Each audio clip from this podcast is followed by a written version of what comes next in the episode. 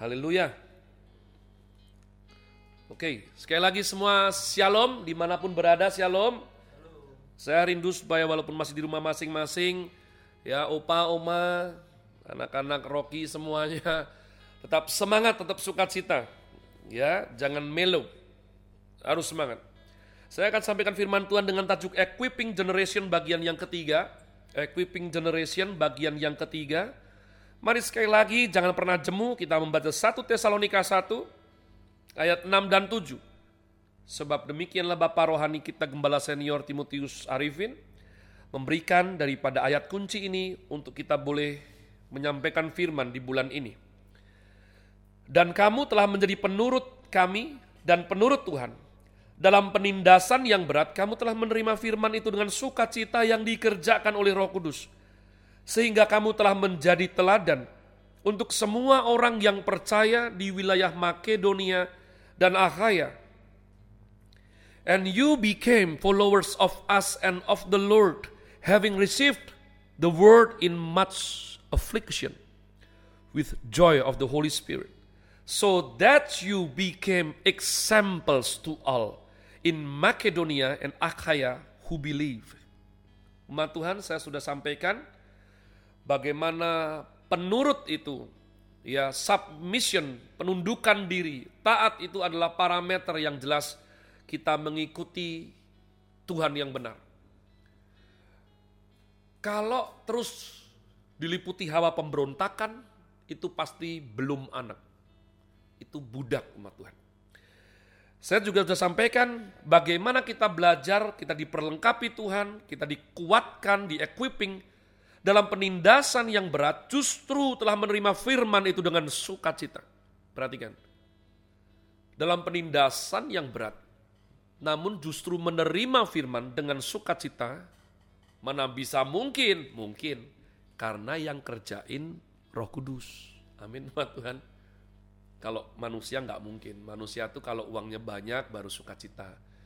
Ya, AC-nya dingin, semua baik, baru bisa ibadah bagus. Jadi jangan saudaraku seperti itu. Mari kita latih jiwa kita sehingga kita boleh sungguh-sungguh worship, beribadah dengan bagus, bahkan jikalau situasinya tidak memungkinkan bagi daging kita, kita tetap bisa konsentrasi untuk beribadah dengan baik. Nah umat Tuhan saya akan fokuskan kalimat terak, eh, yang ketiga daripada ayat ini, sehingga kamu telah menjadi teladan untuk semua orang percaya di wilayah Makedonia dan Akhaya. Sehingga kamu menjadi teladan. Nah umat Tuhan, examples How is something became examples? Bagaimana sesuatu itu bisa dijadikan example atau teladan umat Tuhan. Sesuatu itu harus jelas terlebih dahulu. Jelas apanya, jelas purpose-nya, tujuannya jelas, kualitasnya jelas. Nggak mungkin kalau nggak jelas dijadikan contoh. Nggak mungkin umat Tuhan. Ya, Jadi kalau tujuannya jelas, kualitasnya jelas, Ferry, ini ada adik ipar saya, saudaraku ya, anak rohani plus adik ipar. Dia musisi dalam Kristus, umat Tuhan. Kalau saya mau mengencourage dia, saya nggak akan mungkin, fair, cermati itu hidup Chef Yuna, misalnya, saya nggak ngerti, saudara.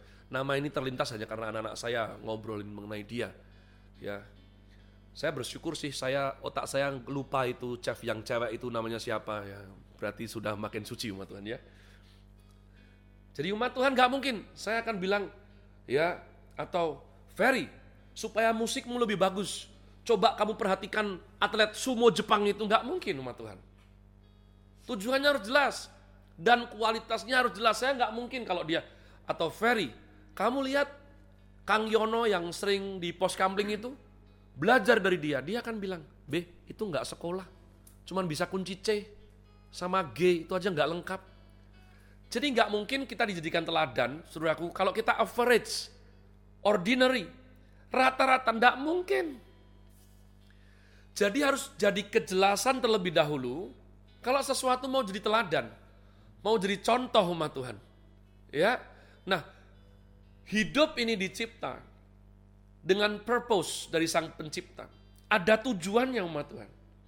Gak bisa tidak. Dari sini ketika berbicara mengenai tujuan, baru kita makin grabs, makin dapat konsep dosa hamartia. Kenapa? Dosa artinya adalah meleset dari tujuan. Meleset dari sasaran.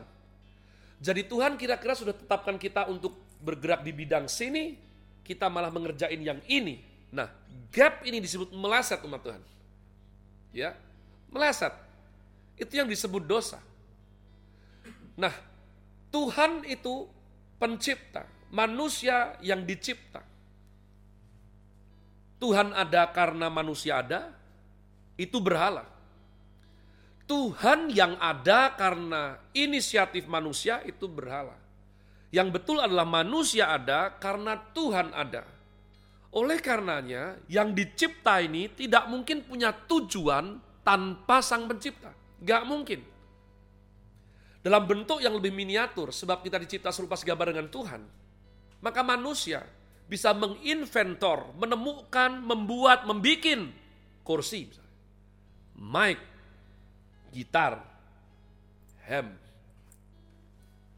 Ya, gak mungkin tiba-tiba ada bahan dari kayu gitu lalu membisikkan kita, saudaraku, gan, bentuklah aku menjadi meja. Gak ada yang dicipta itu pasti purpose-nya tergantung penciptanya. Bahkan dalam dongeng Pinocchio sekalipun, batang pohon itu tidak minta dibikin jadi Pinocchio ma Tuhan, walaupun kita tidak percaya saudaraku ya. Cukup efektif sih untuk ngajar anak-anak supaya nggak bohong. Kalau bohong, giginya panjang, ya kan? Jadi, jadi tanpa kita dekat kenal sama Tuhan, nggak mungkin. Nah, saudaraku sadarkah engkau ada tiga jenis makhluk hidup di dunia ini. Ya, trend, bangsa pohon-pohonan, lalu animal, saudaraku, hewan, manusia. Sudah lihat, pohon, hewan tidak mengenal baper. Mereka langsung tahu tujuan hidupnya apa. Tahu, ma Tuhan. Mereka akan langsung mengerti semut ngapain, ya Berang-berang ngapain? Madu ngapain? Maaf, lebah ngapain, saudara? Mereka ngerti, saudara. Ngerti. Pernahkah saudaraku penasaran? Hanya manusia yang diberikan tujuan sedari awal oleh sang pencipta, tapi harus menemukan tujuan hidupnya. Bukankah hidup kita hancur lebur, banyak kekacauan terjadi, aib, kecerobohan karena kita lambat menemukan tujuan hidup kita, umat Tuhan? Ya. Jadi sudah dikasih tujuan hidup tapi harus ditemukan. Ini memang aturan main yang ditetapkan Tuhan. Sehingga saya senang sekali yang diomongkan oleh Saint Agustin umat Tuhan. Kamu mau mulai dari pintu mana? Ada orang memakai frase pencarian jati diri. Mengenal diri dengan baik pasti berujung kepada pengenalan Tuhan yang benar. Pasti mengenal Tuhan yang benar pasti berakibatkan mengenal diri dengan baik. Kau mau lewat mana? Hanya orang yang antroposentris, saudaraku. Memahami seluruh kehidupan dengan egoisme sendiri. Dia akan absurd, abstrak. Tujuan hidupnya pasti hamartiah umat Tuhan. Jadi tujuan ini adalah kunci bisa jadi teladan Ayat yang tadi kita baca adalah pujian yang sangat tinggi umat Tuhan yang disampaikan oleh Rasul Paulus. Bagaimana jemaat di Tesalonika ini bukan hanya sekedar menjadi Kristen, tapi hidup iman mereka bisa jadi teladan bahkan untuk provinsi lain, kota lain, Makedonia dan Akhaya. Berarti ini sesuatu yang betul-betul cemerlang umat Tuhan. Kita semua yang suka kuliner, ya, pertama kuliner itu seenak apa pun dia harus memenangkan area tersebut Habis itu baru meluas antar kecamatan, saudaraku. Di sana ada nasi goreng enak, di sana ada nasi goreng enak. Baru nanti, ya, itu akan makin luas lagi. Kuliner yang hebat akan melintasi kota umat Tuhan. Bahkan menjadi nasional. Dibantu dengan medsos hari-hari ini, teman-teman saya, ini ada teman, terima kasih dari Mojokerto ya, yang datang ke sini. Saya bawa mereka. Mereka bisa ngerti hal-hal dari sana.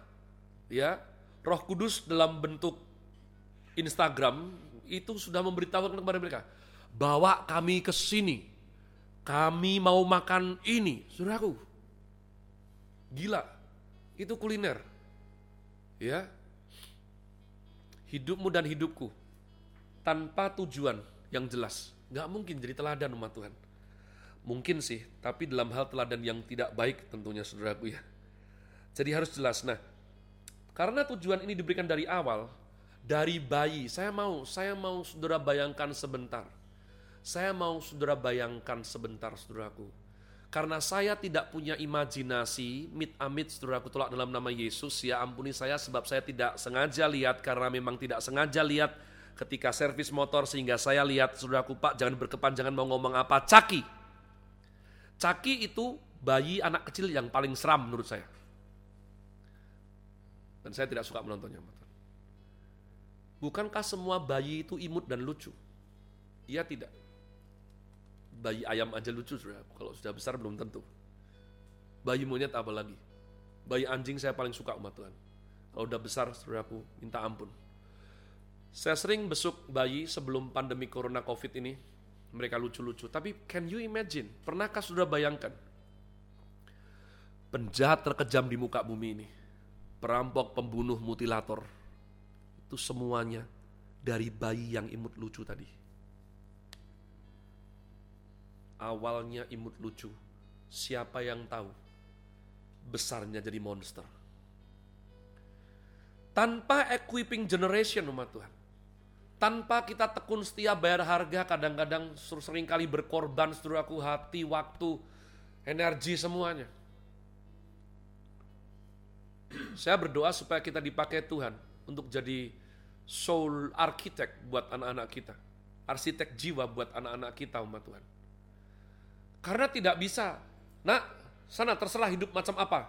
Ya, kalau baik puji Tuhan, kalau tidak baik berarti bukan anakku. Gak bisa umat Tuhan. Mereka hidup dengan teladan. Mereka lihat punggung belakang kita. Mereka lihat kita sebagai orang tua. Mereka lihat gembalanya, mereka lihat kakak rohaninya. Jadi semua orang jahat, tidak ada yang melewatkan fase bayi. Mereka pernah jadi bayi yang inosen, imut, lucu, ma Tuhan. Semua orang baik juga, kita tidak pernah tahu bayi mana. Ya, dan itu tidak etis. Bayi tertentu nih kayaknya kode genetiknya akan jadi koruptor nih, udah dimatiin aja dari awal. Enggak, itu semua dunia ini menentang seperti itu, Tuhan. Bahkan akhir-akhir ini, dua tahun yang ini sudah aku ditemukan pengkodean DNA sehingga diklarifikasi dari awal sudah ngerti kalau seseorang bayi itu punya bakat psycho, psikopat. Apakah mau dibunuh? Pasti jadi perdebatan polemik yang hebat sekali. Akhirnya diputuskan untuk diawasi penuh sampai besar, Tuhan. Tuhan yang baik. Memberikan tanggung jawab kita yang besar sekali umat Tuhan. Mengenai bagaimana kita mendidik, membesarkan, memperlengkapi anak-anak kita. Dalam dunia pedagogi, saudaraku ini kata yang baru yang saya pelajari. ya Pedagogi itu adalah disiplin ilmu mendidik anak. Biasanya ditunjang dengan psikologi anak umat Tuhan. Dunia hanya mengenal dua aspek ini ketika kita mengequipping generation. Yakni hereditas dan environment. Hereditas itu faktor keturunan umat Tuhan. Maka saya senang sekali ya ada suatu bijaksana kuno yang selalu tekankan bibit, bebet, bobot, bibit, bebet, bobot. Anak sekarang kurang ngerti. Anak-anak saya saja nggak ngerti umat Tuhan. Apa itu artinya bibit, bebet, bobot itu? Gitu saudara. Tapi kira-kira adalah name it. Buah jatuh tidak jauh dari pohonnya like father, like son. Itu semua mirip, saudaraku. Artinya, ya. Tapi faktanya kita bisa temukan bahwa orang tua baik, opanya baik, papa mama baik, anaknya bisa kurang baik. Maka kita harus memperluas daripada pedagogi kita. Bagaimana kita mendidik anak, Tuhan. Jangan terpaku hanya apa yang dunia tahu saja. Lalu lingkungan. Kenapa orang tua sekarang berbondong-bondong kerja keras lalu bayar sekolah mahal? Beli apa? Beli lingkungan. Karena kalau lingkungannya bagus, diharapkan umat Tuhan, anaknya bagus. Oh itu pola pikir yang sangat betul. Gak ada yang salah umat Tuhan. Tapi sekali lagi fakta menyatakan, saudaraku, Stalin sekolah bagus. Banyak orang jahat sekolah bagus umat Tuhan. Maafkan saya, para koruptor di Indonesia tercinta ini rata-rata sekolah bagus. Iya. Tapi kenapa koruptor jalan terus? Mulutnya penuh dengan racun, tidak kerja, bikin hoak melulu ma Tuhan. Oknum, bukan semuanya. Jadi selain daripada hereditas dan lingkungan, Paling tidak saya tengarai ada tiga lagi umat Tuhan yang penting. ya. Dan saya tidak hanya berdoa dan membaca, walaupun saya belajar firman Tuhan, tapi juga saya banyak membaca daripada buku-buku mendidik anak. Dari tiga ini yang pertama adalah temperamental umat Tuhan. Kecenderungan emosi yang dominan. Sudah harus cermati itu. Harus cermati itu umat Tuhan. Ya, mata anak kita itu hidup kalau lihat apa, dengar apa. Kalau anaknya hamba Tuhan pendeta, setiap kali ada cerita mengenai cewek cantik, matanya hidup, oh iya tertarik. Begitu babenya khotbah dia mulai ngantuk, saya gagal Tuhan. Saya masih gagal berarti. Berarti saya harus doa terutama puasa ya supaya anak saya beroleh hidayah. Anugerah untuk mengerti indahnya kebenaran Tuhan. Kalau saya punya anak, setiap kali diajak piknik, diajak kuliner, wah saudaraku, itu kelihatan. Temperamentalnya kelihatan saudaraku. Temperamental tidak hanya bisa dipakai untuk yang terus meledak-ledak emosi, tidak saudaraku. Ya, ini baik. Ini lingkungan baik. Ini lingkungan tidak baik. Nah, kecenderungan hati ini ke mana? Saya sudah berteman dengan banyak orang yang tidak baik sama Tuhan para predator yang memikirkan sepanjang waktu bagaimana cara memangsa dan menjebak korbannya. Dan saya selalu heran, bagaimana anak gadis dari keluarga baik-baik sudah tahu laki ini punya reputasi tidak baik, sudah tahu. Kenapa masih kena? Kita tidak bisa hanya harapkan mengenai lingkungan dan juga hereditas umat Tuhan ya karena firman Tuhan kasih tahu kita perjuangan kita sekarang bukan melawan darah dan daging tapi roh jahat. Penghulu-penghulu darah yang jahat Tuhan. Yang kedua kebiasaan. Kebiasaan. Sering sekali katakan umat Tuhan. Ya misal nih misal misal. Ini bukan cerita yang sesungguhnya ini misal Sekali lagi yang paling dekat kan ini, saya syuting sama ini terus sudah aku ya. Adik saya yang setia ini. Ferry, saya tanya, tanya dia. Apa cita-citamu? Jadi pemain musik yang handal, glorify God, mempermuliakan Tuhan dan mungkin ciptain lagu yang menjadi top hit di Indonesia dan dunia. Gitu. Ya. Tapi kebiasaan dia kuliner. Ini sekali lagi misal loh, saudara, dia nggak seperti itu ya. Kuliner, main game, foto, balet, enggak mungkin yang nomor satu, tiga ini saudara. Saudaraku itu tidak mungkin. Tidak mungkin seperti itu, tidak bisa. Nah, apa cita-citamu? Jadi bisnismen yang sukses. Financial freedom. Tapi lihat kebiasaannya. Kebiasaannya malas, suka buang waktu, tunda-tunda pekerjaan, diajak doa aja lemot umat Tuhan. Selalu bermimpi uang besar, tapi dia tidak setia uang kecil. Enggak mungkin. Saya nggak punya waktu banyak. Dengar baik-baik saudaraku. Ini diucapkan seseorang yang bijaksana, yang favorit bukunya saya baca dalam hidup kekristenan saya. Kebiasaan adalah nabi paling tepat untuk masa depanmu dari kebiasaan yang kita bangun, yang kita kawal anak-anak kita bangun, Masa depan mereka akan ditentukan sama kebiasaan yang kau izinkan anakmu bangun tiap hari. Jadi kalau kamu, Pak itu sulit Pak, mumpung masih kecil. Jangan bilang sulit-sulit. Pak anak saya sampai umur segini nggak mau sikat gigi, salahmu. Bukan salah anak, salahmu. Pak anak saya nggak suka sekolah ya pak. Udah biarin aja ya. Kamu punya planning tidak buat dia?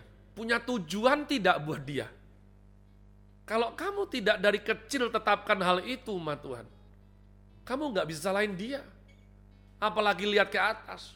Tuhan, kenapa? Oh, tidak bisa main seperti itu, ma Tuhan. Yang ketiga, selain daripada temperamen dan kebiasaan, yang ketiga apa? Saudaraku ini penting sekali.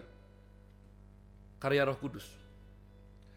Hanya Roh Kudus yang bisa mengerjakan di tengah penindasan yang berat, kita tetap menerima firman Tuhan dengan penuh sukacita. Hanya Roh Kudus.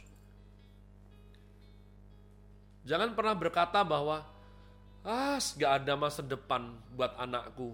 Aku bisanya cuman doa. Saudaraku doa bukan cuman. Doa bukan cuman. Doa adalah teknologi yang hebat sekali yang diajarkan oleh sorga untuk jiwa kita sadar bahwa di dunia ini terlalu banyak yang tidak bisa kita kerjakan dengan kekuatan kita sendiri. Bukankah itu? Karena itu kita berdoa. Jangan pernah lupa berdoa untuk generasi umat Tuhan. Doakan anak-anakmu, anak jasmani, anak rohani. Doakan jemaatmu jika engkau gembala atau hamba Tuhan. Doakan ponakanmu bahkan, atau anak angkatmu. Doa sungguh-sungguh karena ada area-area Mulut kita ini kurang panjang. Tangan kita ini tidak cukup panjang untuk meraih kerelung hati mereka yang paling dalam. Semua itu disempurnakan melalui doa, Tuhan. Melalui doa. Saya sendiri heran kenapa saya bisa mantap sekali ngomong doa. Padahal saya dulu bosan sekali, umat Tuhan, soal doa ini. Karena saya punya mamah itu ya, yang selalu ngomong soal doa. Tapi saya bersyukur sekarang saya betul-betul mengerti bahwa itu adalah aspek yang sangat penting sekali dalam equipping generation. Nah umat Tuhan saya akan closing seperti ini. Dalam Matius 4 ayat 18-19, saudara akan uh, temukan Matius 4 18-19. 18-nya dikasih penjelasan. Siapa Petrus? Petrus adalah penjala ikan. Itu di Matius 4 ayat 18-nya di ayat 19 Petrus berjumpa dengan Tuhan Yesus. Dan Tuhan Yesus berkata, ya, "Hei Petrus, ayo ikut aku. Aku akan menjadikan kamu penjala manusia." Lihat Saudaraku. Orang tua, guru, gembala, hamba Tuhan, pendidik, kakak rohani, mentor, apa pun namanya, harus punya tujuan Anak-anak mau dibawa ke mana? Jadi apa? Tuhan Yesus berdoa kepada Bapa untuk murid-muridnya. Dan dia punya tujuan untuk Petrus. Dari penjala ikan, follow me, ikuti aku. Aku akan menjadikan kamu penjala manusia. Jadi umat Tuhan saya kagum sekali. Tuhan Yesus punya iman. Oh saya jadi ngerti saya pikir yang butuh iman cuma manusia. Tidak. Manusia bisa punya iman sebab Tuhan yang pertama kali punya iman kepada kita. Mengenai kita. Itu kenapa dia di Alpha and Omega. Beginning and the end. Karena Tuhan mengasihi kita. Jadi kita bisa mengasihi Tuhan. Karena Tuhan punya iman buat kita. Jadi kita bisa punya iman buat Tuhan. Tanpa Tuhan memulai sesuatu, kita tidak bisa bikin apa-apa.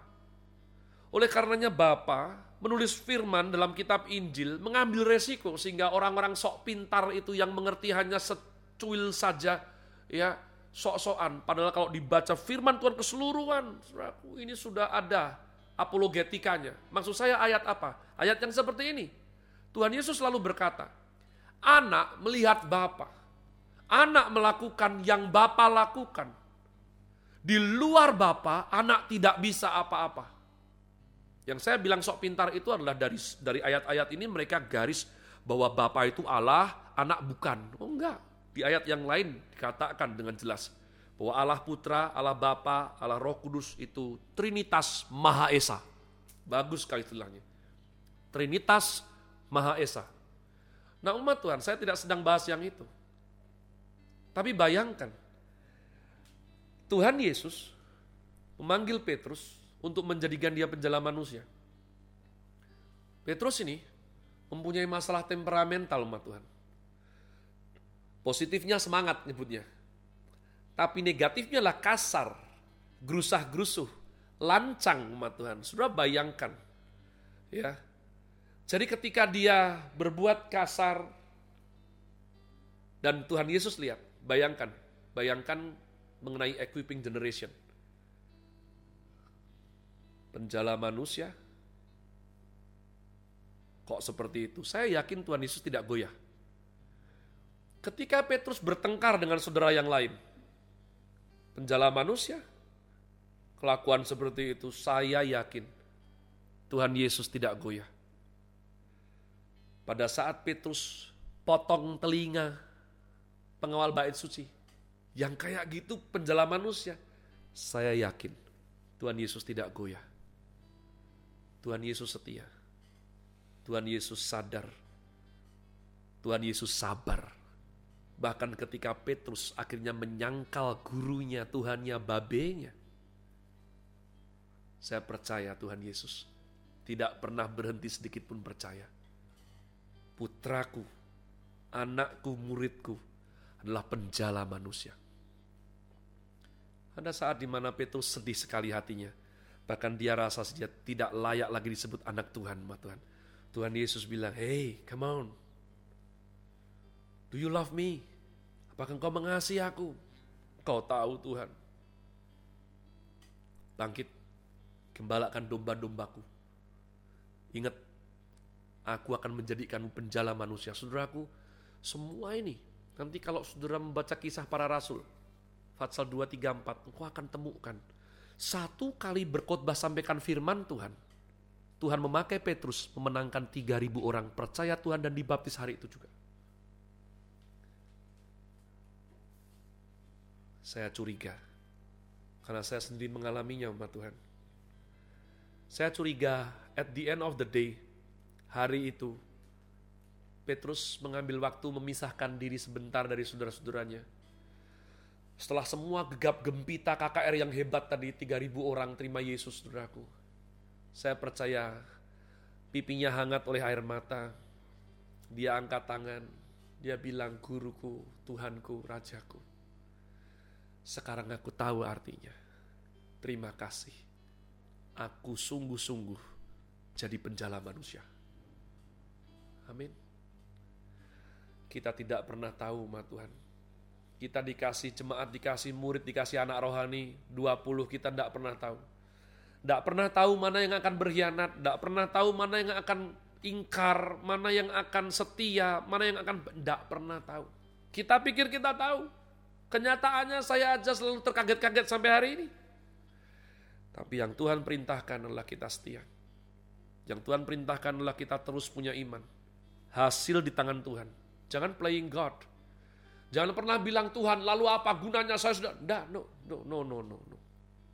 Tuhan tidak seperti itu.